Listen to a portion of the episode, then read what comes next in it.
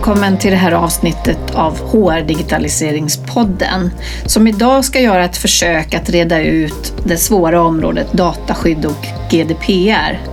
Det är ju inte helt enkelt att veta vad som är rätt och fel vad det gäller hantering av data. Och vad gäller egentligen nu när vi vill digitalisera alla våra processer på HR och dessutom spara data och därefter analysera och eventuellt även använda sig av AI i sina beslut. Jag har för att reda ut det här fått besök av en riktig specialist på området och det är Agnes Hammarstrand som är advokat på Delphi. Agnes jobbar med de här frågorna varje dag. Och Agnes är en av Sveriges främsta experter inom IT, tech och e-handelsjuridik. Hennes specialistkompetens omfattar dataskydd, det vill säga GDPR och andra lagar, men även e-handel, konsumenträtt och andra relaterade områden.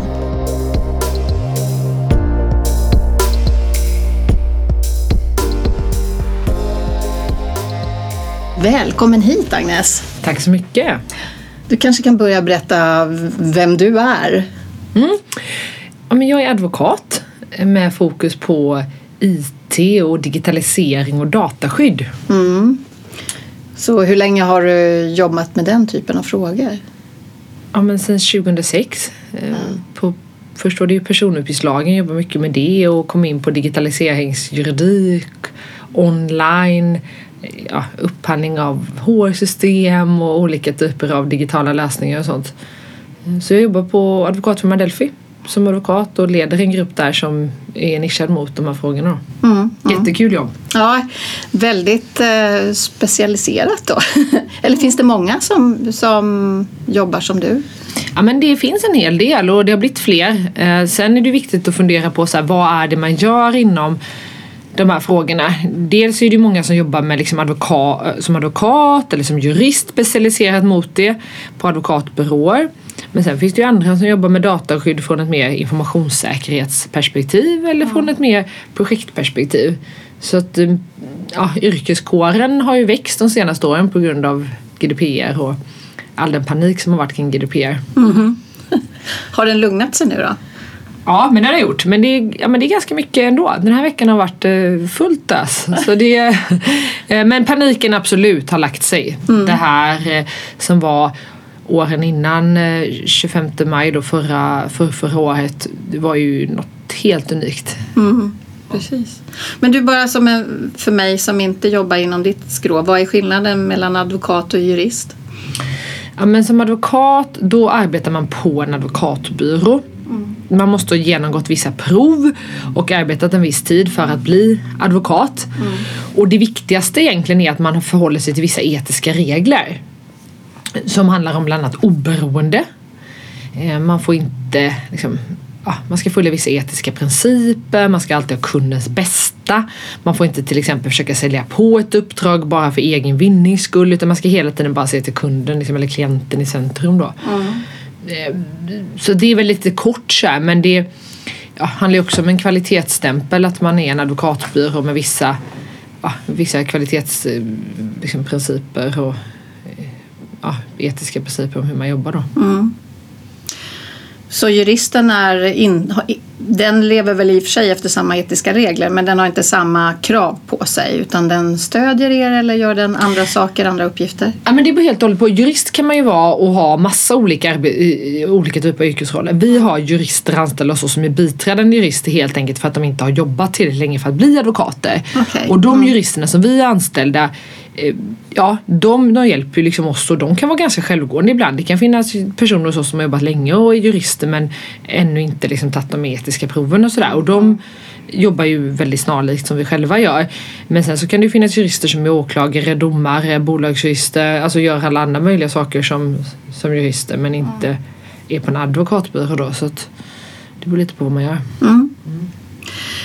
Jättespännande att få prata om GDPR eh, utifrån digitala verktyg för det är det som den här podden handlar om. Men Jag tänkte vi kunde börja mer i ett bredare perspektiv kring vad egentligen GDPR är och vad det har för syfte. Mm. Mm. Ja, men GDPR syftar till att skydda alla våras integritet Man vill ha ett skydd för integriteten när det gäller behandling av personuppgifter. Det vill säga alla våra uppgifter om oss som personer och individer och våra digitala fotspår ska inte kunna hanteras hur som helst utan det ska finnas vissa regler för, vissa ramar för hur får min data behandlas? Vad får man göra med den? Alltså vad är dos och vad är don'ts och hur ska man säkerställa som företag eller myndighet att man lever efter ja, vissa principer när det gäller alla våra personuppgifter. Så det är ett väldigt gott syfte. Eh, ibland brukar jag skämtsamt säga att vi vill inte ha ett digitalt Östtyskland med övervakning och tracking och, eh, och allt sånt utan man vill att det ska finnas ramverk för vad får man göra och vad får man inte göra med våra personuppgifter. Och det är det GDPR handlar om. Och om man eh, kan prata om vad är det egentligen som är de här uppgifterna? För det är ju det som man oftast kommer in på. Vad, vad är personliga och personlig integritet? Var går gränsen någonstans? Ja, alltså en personuppgift som då omfattas av lagen är väldigt mycket. Det kan till och med vara en bostadsadress med en familj därför att då går det i slutändan kanske att spåra så här, vem, ja men typ en IP-adress, vem var det som, som surfade vid ett visst tillfälle. Mm. Det kan också vara ett anställnings-id. Därför att även om du sitter med ett visst Ja, men du kanske sitter i ett visst lönesystem eller HR-system och så har du ett anställnings-id där där du i din vy inte ser vem är den här personen. För du ser bara ett anställnings-id. Men någonstans finns det en nyckel som låser samman eh, eller kopplar samman det här anställnings-id med vem är personen bakom anställnings-id. Och då är det en personuppgift. Mm. Så oavsett alla sådana koder eller begrepp då. Och sen är det ju all annan information om mig som person. Det kan vara lönedata, det kan vara eh, anteckningar från medarbetarsamtal, det kan vara Eh, personlighetstester, det kan vara fritextanteckningar man gör, det kan vara ja, namn som nämns någonstans i ett mejl eller uppgifter. Så att allt som går att spåra tillbaka till en person är personuppgifter. Mm. Och det är det, då pratar man ju om att det här är det man måste ha koll på vem det hör till och mm, hur man ska kunna ta bort det eh, och vem som får, får ta del av det. Är det mer saker som, som man måste ha koll på vad det gäller det här datat? Ja, alltså vem det hör till behöver man inte ha koll på utan eh, från GDPR-perspektiv är det nästan tvärtom att GDPR uppmanar en att anonymisera information ofta. Mm. Men däremot så finns det ju olika då regler för vad får du göra och inte göra när det gäller personuppgifter under GDPR. Och man kan väl dela in dem i lite olika kategorier. Dels finns det krav på dataskydd, alltså informationssäkerhet. Mm. Det är ju en fråga som ofta inte vi jurister jobbar med utan det brukar vara mer liksom tekniskt att man skyddar informationen, att det inte kan läcka hur som helst. Att ja. man har behörighetsinställningar. Ja, men, väldigt vanligt på HR-avdelningar, vem ser vad? Vem kan komma åt vems lönedata? Eller vem kan komma åt personlighetstesterna? Vem kan komma åt ansökningar till en anställning? Alltså tekniska spärrar och liksom sånt. Mm. Så det är ju ett block liksom. Ett annat block är så här, hur, hur, vad får man göra och inte göra legalt? Alltså när får du, hur länge får du spara datan och vad får du göra med den och allting sånt. Och sen finns det ett tredje block, nu blir det här väldigt förenklat, men som handlar om att du måste ha vissa rutiner, vissa processer, viss information, vissa policydokument på plats för att följa lagen. Mm. Uh, och, och det är vissa rutiner Bland annat det här som du är inne på med liksom att man ska kunna bli bortglömd i vissa fall och man ska kunna rensa i vissa fall och så. Men det finns massa andra regler också där som du behöver ha koll på. Och det är det eh, liksom, som många har jobbat med och liksom försökt få på plats mycket av sådana rutiner, policys, dokumentation, rutin, processer för att liksom följa lagen på sikt sen. Mm. Mm. Och jag tänker lite grann på det här med, med data för att men har GDPR någonting att göra med eh, den här typen av känslig... Vi pratar, nu pratar vi mer om kanske generell data men i vissa länder till exempel så, så behöver man ha koll på etnicitet och det är ju verkligen no-no. Men faller det under GDPR eller är det andra regler kring vilken typ av data som man eh, kan hantera överhuvudtaget? Mm. Ja, men alla personuppgifter faller under GDPR. Mm. Så uppgiftsnecessitet och sånt faller i allra högsta grad under GDPR och dessutom extra känslig data som man bara får behandla under väldigt speciella fall. Men sen det som är lite speciellt med GDPR är att det är en ram, ett ramverk, mm. en ramlag. Och speciellt inom HR-området så är det så att det är väldigt många andra lagar och regler som spelar in kring vad gäller i praktiken då? Mm. Och då brukar vi ofta få frågan, ja ah, men gäller GDPR då i andra hand? Eller vad, liksom, de undrar så här, vad menar du? Och, och, och, så är det inte för att GDPR samspelar med andra regler. Så du kan till exempel ha ett kollektivavtal som tvingar dig som företagare eller, eller arbetsgivare att göra vissa saker. Mm. Det kan vara att dela vissa listor med facket om vilka som är medlemmar i ett fackförbund. Det är en uppgift som normalt sett, om inte det kollektivavtalet hade funnits, hade varit strikt förbjudet enligt GDPR. Men på grund av att det då finns ett kollektivavtal som man har ingått som anses ha en så pass hög status enligt GDPR att man liksom accepterar det, ja då kan det bli tvingande. Så att liksom, hur GDPR ska tolkas liksom, det är ett ramverk men sen vad får man göra i det enskilda fallet beror mycket på vad säger annan lagstiftning. Mm. Ett annat exempel är, ja men har du lagstiftning som säger att du måste spara viss data för att följa arbetsmiljölagar? Mm. Ja, då måste du göra det. Det innebär inte att inte GDPR gäller. GDPR gäller i allra högsta grad. Informationen ska skyddas, du ska informera individer om det, du ska gallra när det krävs och massa andra saker för att skydda informationen. Men själva lagringstiden mm. och själva syftet att du behöver datan kan ju styras av andra lagar. Mm. Och när man tänker efter är det ganska logiskt egentligen därför att Ja, det är klart, har du en lag som säger att du behöver spara datan, då måste du ha den. Och då tillåter GDPR att du har datan. Men då är det mer hanteringen och att du Exakt. säkerställer den och Ja, den. exakt hur länge och hur hanterar du den och vad gör du med den och hur, hur informerar du individerna om att du har informationen. Men sen också såklart att när inte det lagliga tid, kravet finns längre ja då har du ofta inget stöd alls att ha kvar informationen, då måste du radera det. Ja. Och det är ju där man ofta brister då. Mm. Att man kanske inte har gallringsrutiner på plats för att följa lagen. Ja, eh, och de behöver ju inte vara digitala utan de kan ju vara de här eh, lagringsrutinerna. Det handlar om att dokumentera sina rutiner och det skulle man kunna göra manuella eh, rutiner för att städa bort all information och så vidare. Eller? Ja, alltså hur menar du själva rutinen? Ja, alltså det är hur... rutinen som är lagstiftningen, inte hur, hur man gör det utan att man ska kunna gallra, man ska kunna ha kontroll på vad datan är sparad och sen kunna ta bort den eh, om den inte längre ska användas. Ja, precis. Eh, eh, GDPR ställer inga krav på liksom hur du ska göra någonting. Utan bara att du inte liksom får ha information som du inte har stöd mm. att ha kvar. Och det är ju egentligen väldigt bra därför att det säger ju sig självt att om man är ensamföretagare så är det klart att liksom, och jag har liksom en dator, det är där jag har all min information. Ja, det är klart att det såklart måste vara liksom manuellt man gör massa ja. saker. Men är du ett jättestort globalt företag, ja då kan det ju vara så att det rimliga är ju inte att det är manuellt utan Nej. då måste man ha kanske automatiska rutiner. Så att, där är ju GDPR ganska bra på det sättet man får ju tolka det liksom utifrån situation. Mm. Och det kan ju många uppleva som flummigt men jag tror det enda sättet att göra det det är liksom principstyrt. Man får se utifrån syfte med lagen och så. Lite logik bakom helt ja. enkelt. Ja.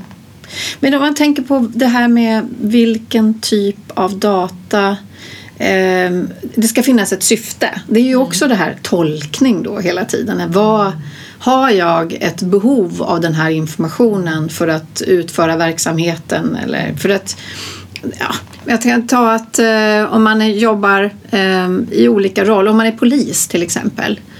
Eh, då behöver man ju hålla uppe sin fysiska förmåga kanske. Det kanske finns krav på att man ska träna eller göra andra saker. Mm.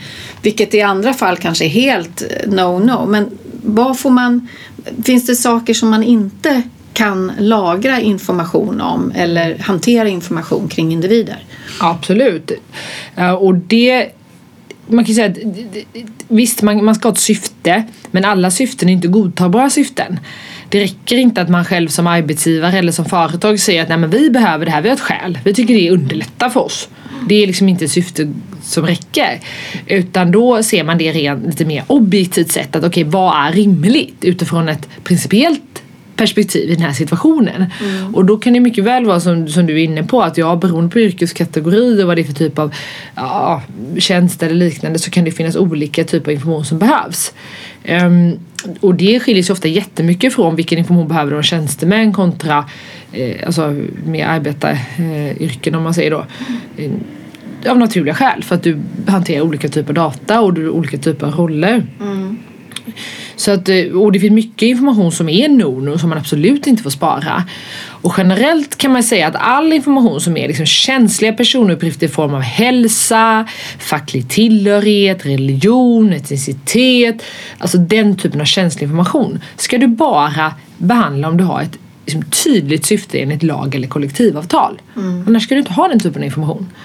Eh, och sen så är det just så inom arbetsrätten att ofta har man ju det. För att man just har skyldighet att rehabilitera, man har skyldighet enligt arbetsmiljölag, man har skyldighet att ja, hantera vissa diskrimineringsanspråk. Så det kan finnas liksom skäl att hantera den här datan inom HR.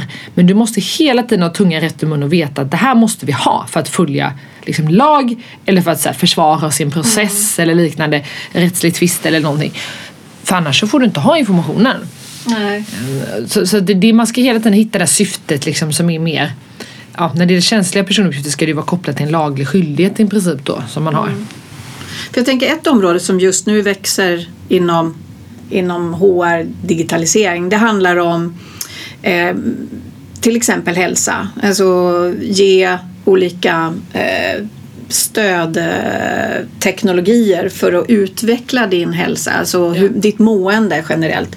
Att motverka psykisk ohälsa eh, till exempel och få coachingverktyg och försöka se trender i sin organisation och så liknande. Men, men den är ju, det, det är där jag tycker gränsdragen kan vara väldigt svår. Får man, kan man göra den typen av aktiviteter och samla information om sina medarbetares generella eh, sömnnivåer? Eller är det någonting, och då kanske man måste ge sitt eget tillstånd? Mm. Ja men typ som huvudregel får man inte det.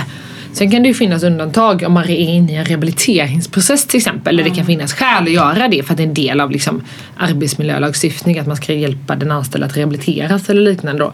Men, men om man undrar, bortser från det specifika fallet då så är huvudregeln inte Eh, därför att det ingår liksom inte i din roll som arbetsgivare på det sättet. Utan då kan det vara att om man då vill säga man erbjuder sina anställda någon viss app eller liknande helt frivilligt. Mm. Ja då får det ju vara att de får ju de anställda välja. Ja men jag vill liksom Ja den här appen erbjuds mig som anställd gratis.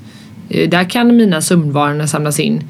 Ja men kanon, det tycker jag är trevligt men då får det ju vara att man själv som anställd väljer att ha en relation med kanske det appföretaget eller det företag som tillhandahåller den tjänsten och själv då väljer att samtycka till ja, dem och, och eller ingå ett avtal med dem är det ju ofta kring att man vill vara med i det här. Mm. Eh, och då ska man ju inte som arbetsgivare liksom ta del av den informationen. Nej. Utan det får liksom... Och det måste ju vara, för det här är ju väldigt stort trend i USA och där har de ju en annan typ av lagstiftning då. Så att eh, det, det är där man måste se hur ska det här kunna fungera då ja. i, i, i våran Exakt. verklighet. Ja, ja visst.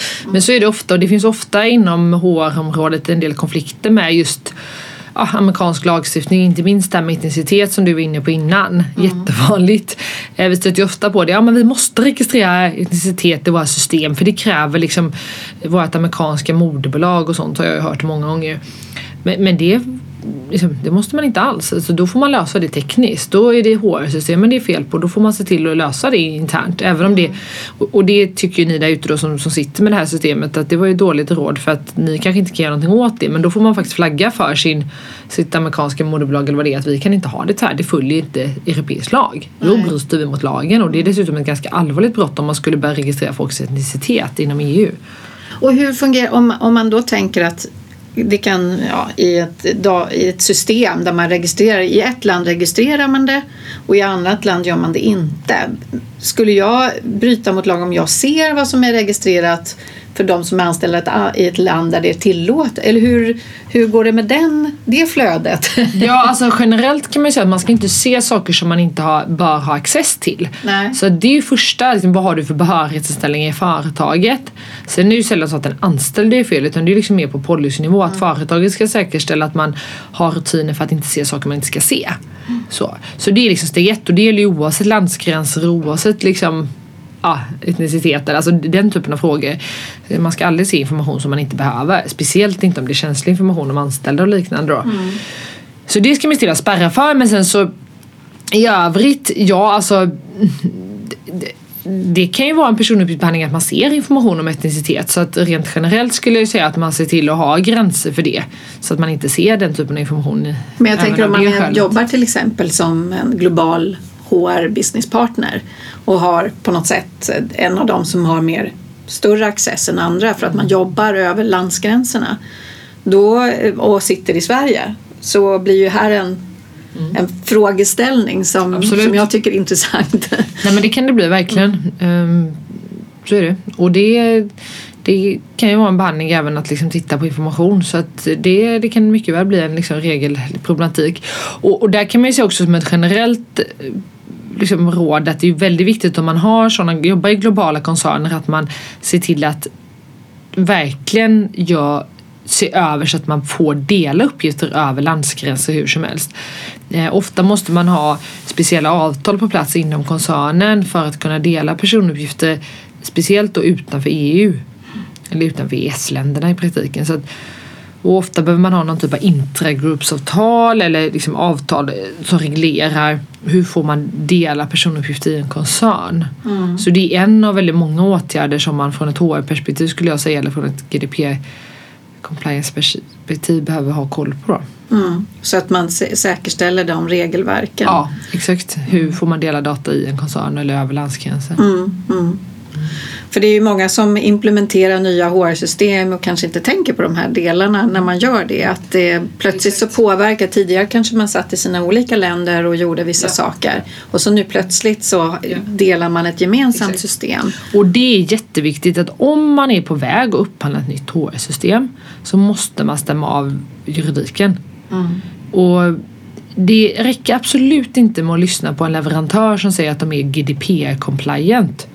Det är jättevanligt, det hör jag ofta. Ja, vi är GDPR-compliant. Det många leverantörer menar med det, det är att systemet kanske är tekniskt GDPR-compliant. Alltså det är tekniskt säkert. Det kanske är en molntjänst, ett molnsystem mm. där man rent tekniskt har säkerställt skyddsnivån. Mm. Alltså att det inte går att hacka sig så lätt in i systemet, att man kanske har rutiner och processer för att gallra data och sånt. Alltså det är tekniskt löst. Men det innebär absolut inte att man kan strunta i GDPR. Utan dels behöver man ju se till när man upphandlar det här systemet eller köper det att man säkerställer att avtalet är rätt. Det är inte bara från ett GDPR-perspektiv utan det är även från andra legala perspektiv att man verkligen att man ser till att någon jurist eller advokat granskar och utvärderar det avtalet och den spes som man ställer på leverantören. Och sen när man väl har liksom hållit på att implementera det här systemet så behöver man se till att vilka lagringsfrister, vilken, vilka rutiner, vilka processer behöver vi säkerställa i det här systemet. Mm. Och det kan ju variera. Det kan ju inte bara ligga på en leverantör. De kanske säljer ett skal om man nu får uttrycka sig så där de liksom Det är möjligt att följa GDPR i deras system men det är inte samma sak som att man följer GDPR i deras system. Nej. Bara för att det tekniskt liksom är uppbyggt så att det går att följa GDPR. Mm. Och det tror jag väldigt många företag som jag pratar med tänker fel. Mm. Man tänker att nej men de säger att de är GDPR compliant så då följer vi GDPR. Nej det gör ni absolut inte. Mm. Och sen så är det inte bara egentligen då, nu pratar vi GDPR för det är ju här vi befinner oss men det finns ju också andra regler Exakt. i andra länder som, som, som man också måste följa. Ja, ja och i det HR-system finns det ju inte bara det, det finns ju massa annan lagstiftning du behöver ta, ta höjd för. Mm. Och min erfarenhet är som har jobbat med upphandling av mycket HR-system tillsammans med duktiga HR-personer är att ofta är min erfarenhet att många av dem som jag har samarbetat med har bra koll på ja, men, så hur ser vi till att det här följer våra olika kollektivavtal och det kanske är något lönesystem där det ska finnas krav på Alltså man liksom kan sin verksamhet mm. på ett väldigt föredömligt sätt. Mycket av den arbetsrättsliga lagstiftningen har man koll på. Men man kanske missar de här liksom, del, alltså IT eh, juridikaspekterna på det och mm. dataskyddsaspekterna på det för det är man ju inte van vid. Det är Nej. inte det man kan, är liksom expert på som HR-person. Eller som, ja, utan där, då, så, så, det är viktigt att ha med sig. Mm verkligen. Eh, och vem, vem har ansvar för, eh, för jag tänker då, nu har vi kommit in på det här med, med leverantörernas roll. Men det är för den som har datat, som äger datat. Vad finns det för roller här som eh, i hela den här mm. smeten eller vad ska jag kalla det för? Ja men utan att liksom gå in i alla detaljer så är man ju som huvudregel som arbetsgivare själv personuppgiftsansvarig för sina anställdas personuppgifter. Och då har man ett ansvar att lagen följs. Mm. Man kan inte skylla ifrån sig att jo men vi har någon IT-leverantör här som vi anlitat för en molntjänst eller liknande utan ja, är man arbetsgivare så har man ett personuppgiftsansvar för sina anställdas data. Mm. Sen kan det mycket väl vara så att man delar data med en extern aktör som sen tar över ett ansvar för, för datan när den är med hos den men det mest uppenbara exemplet är ju att om ni delar, rapporterar in vissa personuppgifter om er anställda till, eh, till SCB eller till Skatteverket så det är klart att då är ju Skatteverket eller SCB ju såklart personuppgiftsansvarig för datan när de har liksom när den överförts dit. Mm. På samma sätt som en företagshälsovård i de allra flesta fall, eh, i vart fall när det gäller själva vården, är personuppgiftsansvarig för liksom, ja, men, journaler och liknande för er anställda. Det kan ju inte ni som arbetsgivare gå in och titta i utan det är ju liksom, det äger ju, äger situationstecken och styr och bestämmer ju då företagshälsovården, alltså mm. vårdgivaren över. Mm.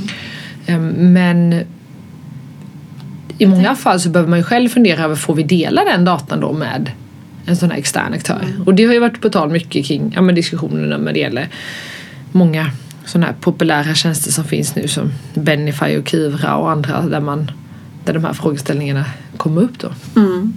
Och sen tänker jag på de molntjänster som man använder sig av. Men där ligger ansvaret kvar hos när man köper en molntjänst för att mm. hantera sin data, då ligger ansvaret kvar hos arbetsgivaren. Absolut. Och då är det ju bara en, ett verktyg man använder ja. Som man själv ansvarar för att säkerställa att det gör det Exakt. som man förväntar, för, har ja. sagt att det ska Exakt. göra. Exakt. Ja. Mm. Jag tänker vilka um, det finns ju olika processer eh, som har hanterats på ett sätt tidigare som nu har förändrats ganska mycket. Till exempel rekrytering. Mm. Eh, för där har det ju oftast tidigare, om man inte har bra system, man har skickat runt CVs i organisationer och delat information. Det här vet jag ett område där det hände mycket då. Mm. Vad är det som egentligen gäller för det? Får man skicka en CV på en potentiell kandidat eh, till den som ska intervjua eller får man inte göra det? Mm. Ja men så här, det finns inga förbud att skicka ett eh, CV för en tjänst via mail. Det är inte så pass, inte enligt min bedömning i alla fall, det är inte så pass känslig information typiskt sett. Men däremot är problemet att ha, tillåter du det i en organisation, då måste du säkerställa att den informationen gallras sen. Mm. Eh, och det har gjort att ett väldigt vanligt råd som även jag brukar ge är att försöka undvika det. Därför att har du ett system eller en lösning där du samlar alla CVs och alla ansökningar då vet du att det är där du rensar, det är där du gallrar, det är där du har din, dina, dina CVs och dina ansökningar. Mm. Men har du liksom rutiner som tillåter att du mejlar runt CVn hur som helst i en organisation, hur ska du veta att du har rensat dem när du behöver? Hur ska du veta att de tas bort när de krävs? Att, ingen, att de inte ligger kvar någonstans i någons inkorg? Mm. Så att i praktiken blir det ofta väldigt svårt att efterleva GDPR om du bara hur som helst håller på att mejla runt massa mm. CVn och information.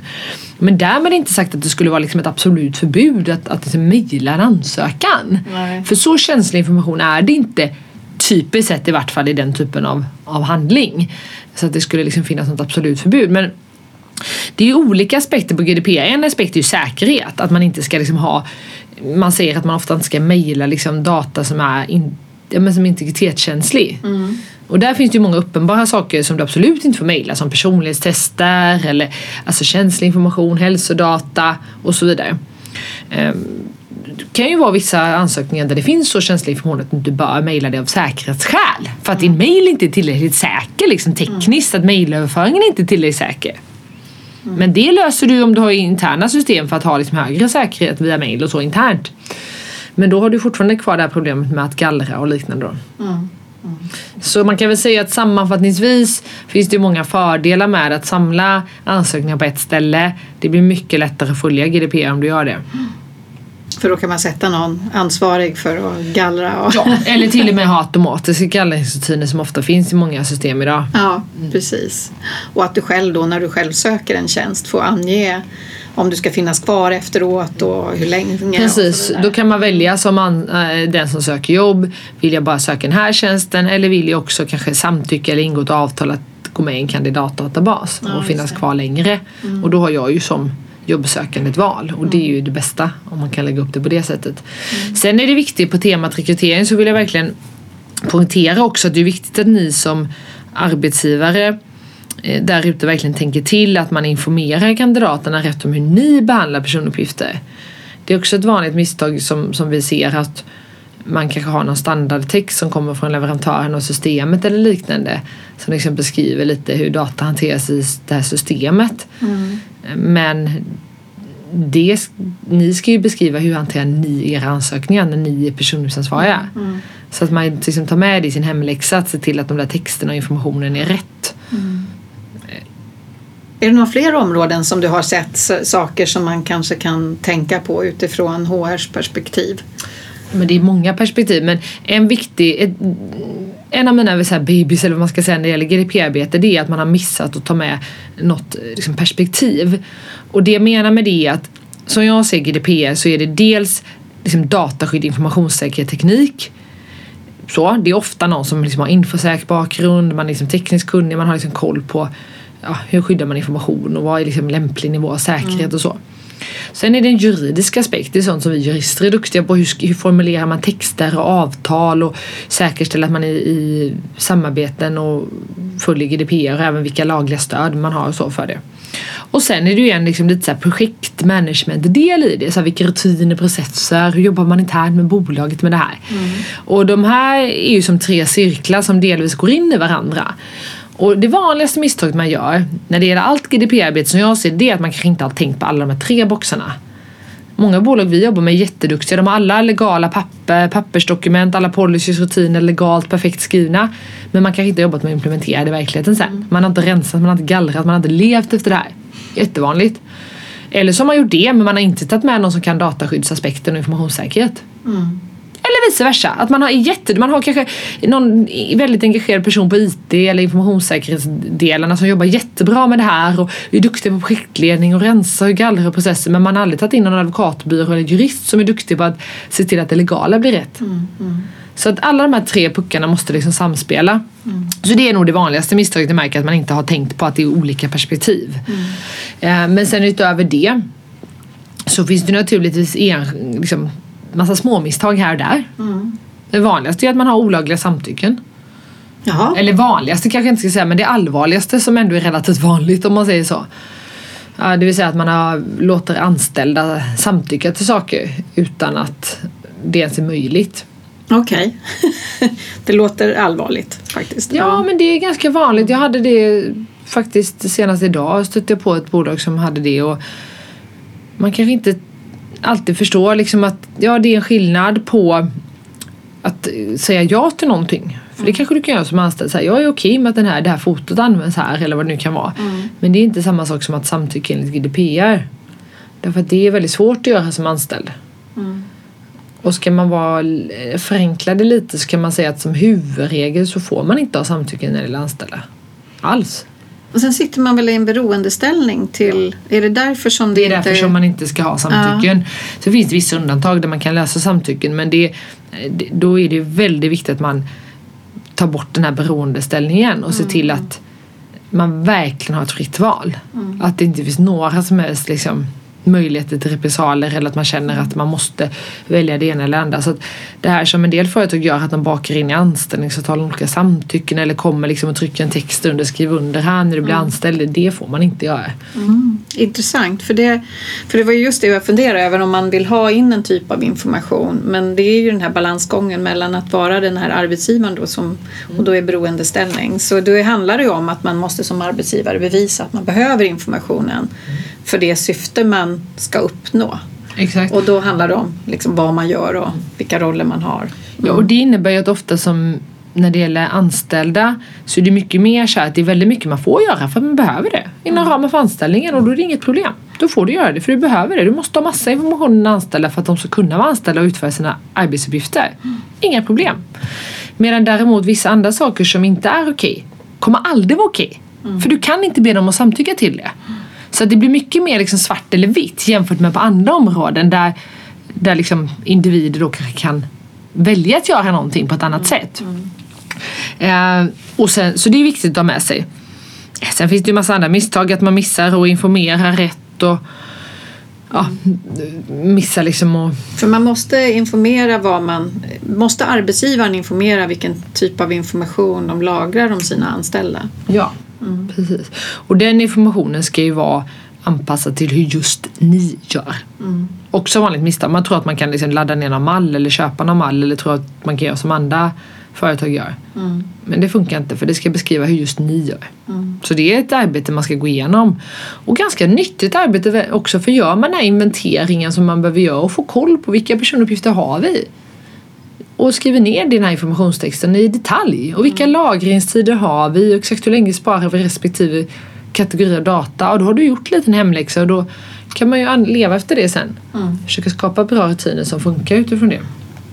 Och sen när man, eh, om man har man lagrar ju en massa information då om sina anställda och sen vill man ju också nu i, i dataanalysens eh, år eh, plus AI och allting annat. Hur får man då använda, om man säger, det handlar ju om att anonymisera data för att kunna använda den för, för analyser och liknande.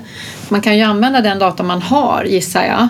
Eh, om man talar om vilket syfte medan man är anställd och så vidare och kunna titta på olika trender. Men, men vad händer sen när, när jag har slutat? Hur, var går gränsen? Hur kan man...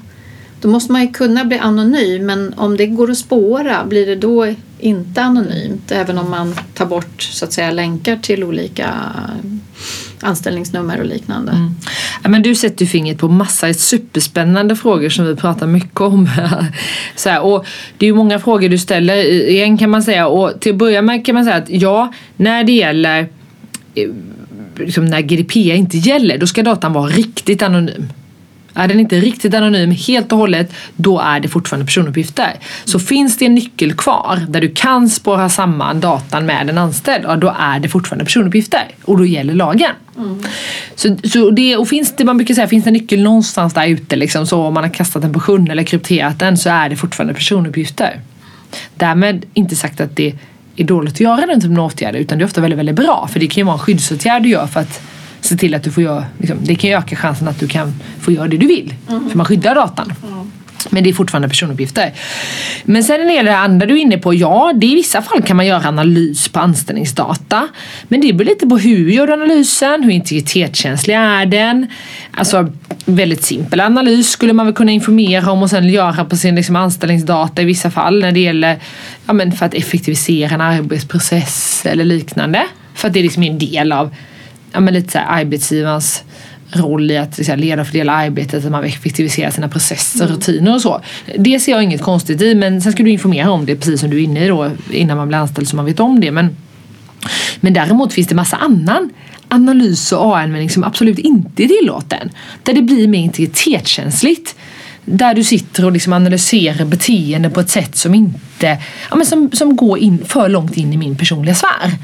Ehm, och och det kan ju vara allt från att du liksom övervakas som anställd i ja, men hur du beter dig på datorn, vilka klick du gör, vilka liksom, alltså, att det blir nästan som kameraövervakning fast det är det digitala fotspåret på ett sätt som inte alls är okej. Så att, och här finns ju mycket tveksamheter. Så här, var går gränsen? Vad är okej? Vad är inte okej? Vad Och är där- egentligen effektiviseringen av en process då? Eh, exakt, exakt. och hur, vad är det det här? Och det här kommer mycket in på AI, vad som kommer vara tillåtet i framtiden och inte och så. Det man ska komma ihåg när man har med ny teknik att göra, det är att då har man ett krav på sig som företag att göra vad som kallas konsekvensbedömning. Och det är en analys enligt GDPR där man liksom analyserar och dokumenterar vad är det man vill göra och är det lagligt och, och hur ska man göra det? Så att om man är inne på det här området och funderar på mycket så här, ny teknik, AI, hur kan vi övervaka, övervaka våra anställda, hur kan vi använda deras analysdata för att liksom, ja, för allt det här du är inne på. Då ska man ofta göra en sån här analys. Och den ska dokumenteras, den ska göras med någon som kan dataskyddsarbete. Helst med liksom någon som är dataskyddsjurist, någon som är informationssäkerhetsexpert. Och när man har gjort den här analysen så får man ju komma fram till då vad behöver vi göra för att göra det här lagligt? Behöver vi skydda datan mer? Behöver vi liksom in, ja, vad kan vi göra för att få det här att funka? Och i vissa fall kan det vara så att man kommer fram till att nej det där funkar inte, det får vi inte göra. Det är liksom, vi har passerat gränsen här. Och, och, och det är också så att i vissa fall när man kommer fram till att det där är oklart då kan det vara så att man behöver stämma av med Datainspektionen som är alltså myndigheten som, som tillsynar GDPR då. För att säga om det, om det är okej eller inte. För jag tänker på en... Eh, eh, det var ju prat lite tidigare här om det här med att kolla vem, då var det ju en skola som försökte använda ansiktsigenkänning för att se om eleverna var där eller inte. Eh, och så eh, finns det ju andra lägen man vill också vill se om, om, om personalen är på plats för att det kanske har med regelverk att det måste finnas så här många på en arbetsplats för att den ska få verka eller någonting sånt. Men, och då tänker jag, ja men vad är det för skillnad på ansiktsigenkänning kontra om man skulle använda fingeravtrycksläsare? Vad är, vad är, alltså, för här verkar det vara mycket svårare att jobba med ansiktsigenkänning kontra andra tekniker som har funnits längre tid. Man kan säga att både fingeravtryck och ansiktsigenkänning är alltid känsligare. Mm. Därför att det är biometrisk data som är kopplad till dig som person. Och unik för mig som person. Unik för dig som person. Det är, liksom, det är det mest känsliga nästan, eller ett, liksom ett av de mest känsliga områdena. Så där ska man göra en konsekvensbedömning och ofta är det inte tillåtet för det är så pass känsligt. Det är min, min unika nyckel. Mm. Um, och då brukar man ofta komma fram till att man behöver använda mindre ingripande åtgärder för att det här ska vara okej. Okay. Enligt GDPR ska man behandla så lite personuppgifter som möjligt så lite integritetsaspekt som möjligt. Och, och, om skälet skulle vara till exempel att räkna hur många som finns på arbetsplatsen av något visst skäl, ja då kan det finnas mycket mindre integritetsingripande åtgärder för att åstadkomma det. Eh, så att eh, det är liksom hela tiden de aspekter man får med sig, att man ska behandla så lite data som möjligt, så integritetsvänligt liksom som möjligt och så vidare. Då. Men man skulle kunna använda ansiktsigenkänning i ett läge när det är relevant. Så det är den här analysen man behöver göra. Ja, det kan ju absolut. Det kan mycket väl finnas situationer där ansiktsigenkänning kan vara relevant och lagligt. Men typiskt sett krävs det väldigt mycket för att just ansiktsigenkänning ska vara okej. Okay. Mm. Men absolut, det finns ju situationer och det diskuteras ju mycket när det gäller brottsbekämpning och annat och liksom så här, ja, var kan gränserna gå när det är, när det är okej och inte då? Mm, mm. Men om du tänker på AI i framtiden, den stora frågan, hur ska vi kunna använda data? Är det skillnad på att använda data som du samlat in för en mer generell analys men när du börjar ta beslut på data som du har, är det, är det en skillnad i hanteringen av datan där? Ja men det kan det bli. I vissa fall kan det bli så att det blir automatiskt beslutsfattande av mig som individ. Alltså att det fattas beslut som rör mig mm. av AI. Alltså man har en, liksom en AI eller ett AI eller vad man nu säger. Ja, precis. som på, som liksom fattar beslut om mig som person. Och är det sådana beslut som fattas om mig som person, ja då, ska man, då finns det liksom extra krav för det. Då ska man informera om det. I vissa fall kan det kräva samtycke. Alltså det är mer känsligt. Mm. Lite förenklat då. Så, så att absolut, det kan vara skillnad. Um, mm. Mm. Så vad har hänt hittills då? Har det, har det blivit några, har det varit några brott? Jag vet ju, det stod ju, var det H&M som det stod om här ganska nyligen som hade själva tagit upp att de nog har brutit mot, mot lagen. Men är det någonting, är det några fall som, som du specifikt känner till? Mm. Absolut, vi trackar alla fall. Eh, vi är en ganska stor grupp som jobbar med dataskydd på Delphi så vi varje måndag rapporterar vi alla nya fall som finns i EU. Det är mycket att hålla reda på. Eh, men det, är, det är ganska mycket fall runt om i EU. Däremot eh, har det väl inte varit så mycket sanktionsavgifter just i Sverige. Det är ju det många är intresserade av. Ja. Oh, kommer det böter? Vad är det för böter i Sverige? Så mm. Runt om i EU ganska mycket böter, ganska mycket stora, riktigt, riktigt stora böter också. Men, men det är fortfarande liksom inte jättemånga bolag statistiskt sett som blir liksom granskade och får böter. Och det är ju för att tillsynsmyndigheterna hinner inte med. Och man har så mycket annat. Det är bara att komma in i det här nya med att liksom börja ja, börja handlägga ärenden som kan ge böter eller sanktionsavgifter. Då. Det är ju en, det är ju liksom nytt för många myndigheter då, mm. Eh, inte minst i Sverige då. Så att, eh, ja, inte så mycket sanktionsavgifter som, som många hade trott kan man väl säga. Eh, en hel del ärenden, många som pågår hos Svenska Datainspektionen. Många där det ännu inte har fattats beslut. Mm. Och vilka är det som anmäler? Är det individer eller är det företag som anmäler sig själva? Eller är det vad, vad, vad kommer det ifrån? Ja, men dels så är det så att man ska anmäla personuppgiftsincidenter. Mm. Och det ska man göra inom 72 timmar. Och det är ett krav enligt lag och när man gör det då uppdagas det ju ofta då kanske Ja, oj då, här fanns det en dålig rutin. Så det kan ju vara, det är ju en källa för Datainspektionen att titta på. Att man själv har rapporterat in då och så ser man när man läser de här anmälningarna att oj då, det här var inte helt smart hanterat. Eh, också ett skäl till varför det är bra att liksom ta hjälp med de där anmälningarna. Mm. Att man liksom tänker till hur man svarar i dem och, så, så, och vad man ska göra för åtgärder efter en incident. Mm. Så att man ser till att förebygga. Ehm, så det är en källa. Den andra är ju att individer kan anmäla. Man kan anmäla. Jag liksom klagar och det har ju varit till exempel väldigt mycket klagomål mot MR-koll som fick eh, böter som är en av de här sajterna på nätet som publicerar massa information om oss. Mm. Ehm, lika då 1177 eh, som ju är ganska känt. Där är det också mycket anmälningar. Men sen är det också så att Datainspektionen och alla andra tillsynsmyndigheter runt om i EU bedriver ett aktivt tillsynsarbete när det gäller alltså vissa branscher, vissa kategorier av information. Alltså man har en tillsynsplan som utgår från olika områden. Mm. Och där har ett fokusområde från Datainspektionen i Sverige varit just anställdas, hur man hanterar anställdas uppgifter. Mm. Och också hur man hanterar samtycke när man har det och inte och sådär. Mm. Så det är ett fokusområde man har just nu. Mm. mm. Vad anses som en incident då? Ja, alltså det kan dels vara ett dataintrång tekniskt, alltså mm. att någon hackar sig in i ett system och får tillgång till data. Men det kan också vara att man skickar uppgifter fel. Alltså mejlar uppgifter fel eller får... Det är den vanligaste incidenten tydligen enligt Datainspektionen. Jaha, intressant. Ähm, ja. ja. Vi stavar fel och så hamnar i fel händer. ja. Mm. Ähm, men, men, men, att information hamnar på villovägar. Mm. kan också vara en stulen dator om den inte är krypterad tillräckligt säkert. Så lite blandat. Ja. Och hur mycket är böterna? Om det blir, eller sanktionsavgifter kanske det heter? Eller vad? Ja, det heter formellt det heter det sanktionsavgifter men jag brukar också säga böter så folk förstår vad man menar. Um, Nej men mm, alltså det är ju de här böterna som det varit snack om då. Man kan få upp till 4% av omsättningen eller Och det är global, global omsättning? Ja det är global omsättning mm. och det kan vara högre än så. Man kan få upp till, alltså man kan få egentligen nästan hur höga böter som helst brukar jag säga. Mm. Eh, så, det, det, är höga böter men det beror ju på vad det är man har gjort. Det är ju i relation till det, till det som har skett. Det är väl som vanlig, alltså vad är det för uppsåt? Är det, har man gjort, ett, gjort misstag? Hur gravt är det? Och, ja, så kan det vara absolut. Men det, det, är viktigt att komma ihåg att här krävs det inget uppsåt. Utan eh, absolut inte. Utan du kan ju mycket väl ha vara bara duktig företagare och du jobbar på och så har du inte gjort någonting då bryter du mot GDP ganska mm. allvarligt. Utan GDP kräver ju att man vidtar mycket aktiva åtgärder. Mm. Tyvärr kan man säga, eller tyvärr, det är ju bra men mycket kan vara lite jobbigt om man är företagare. Ja, för jag tänker det är ju, eh, är man en stor organisation, jag menar då, då kan, man, kan man bekosta det här. Det är, ett, det är ett jobb men det blir ju det blir mycket dyrare för en liten organisation mm. som måste få alla de här sakerna ja. på plats och struktur och, och, och, så. Mellanstor tänker jag. Det blir väldigt kostsamt. Men jag hoppas de har gjort det redan.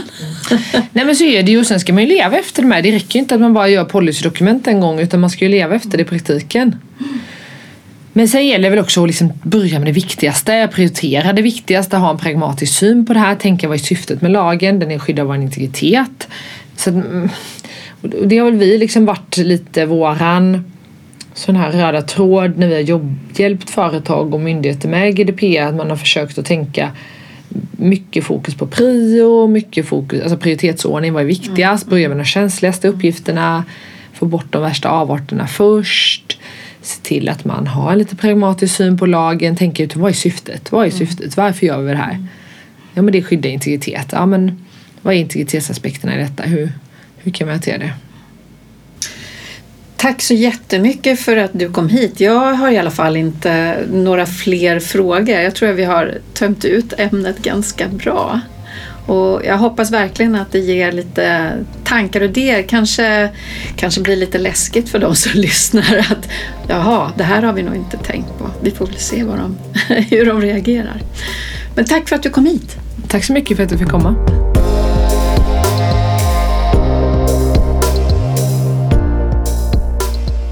Tack för att du lyssnade på det här avsnittet av HR Digitaliseringspodden.